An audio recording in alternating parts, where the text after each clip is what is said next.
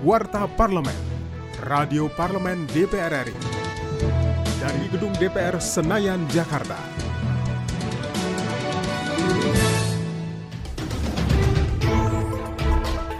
Tim pemantau dan otonomi khusus DPR RI melakukan evaluasi pencapaian program dan realisasi anggaran yang berdampak terhadap pembangunan Papua. Saat di Komplek Parlemen Senayan, Jakarta, anggota Komisi 1 DPR RI Yan Permenas Mandenas mengatakan revisi Undang-Undang Otonomi Khusus Papua yang masuk dalam Prolegnas 2021 diharapkan mampu menyelesaikan permasalahan pembangunan, konflik sosial, dan pelanggaran HAM. Untuk itu, pemerintah dan DPR terus berkomitmen menerima masukan dan saran dari berbagai kalangan akademisi dan tokoh masyarakat.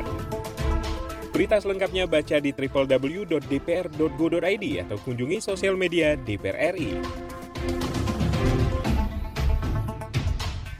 Pemekaran daerah atau pembentukan daerah otonomi baru yang telah dijalankan sejak era reformasi selalu menuai pro dan kontra, baik di kalangan pemerintah maupun di kalangan masyarakat umum. Dan adanya moratorium pemekaran daerah yang menyebabkan munculnya desakan masyarakat, maka anggota Komisi 2 DPR RI Agung Widiantoro saat di Komplek Parlemen Senayan Jakarta meminta pemerintah segera menyelesaikan desain besar penataan daerah dan mencabut moratorium pemekaran daerah.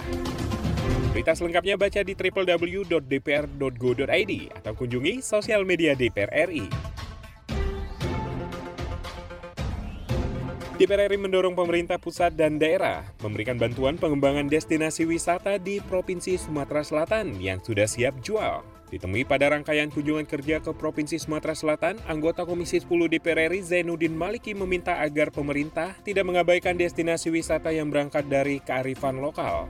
Anggota Komisi 10 lainnya Mujib Rohman juga mendorong pemerintah memberikan pelatihan pembuatan dan penjualan kerajinan kreatif kepada masyarakat agar hasil kerajinan mereka bisa dijual secara online.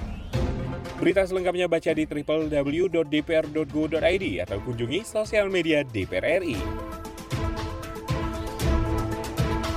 Demikian Warta Parlemen, Produksi TV dan Radio Parlemen, Biro Pemberitaan Parlemen, Sekretariat Jenderal DPR RI. Saya, Edo Da Vinci.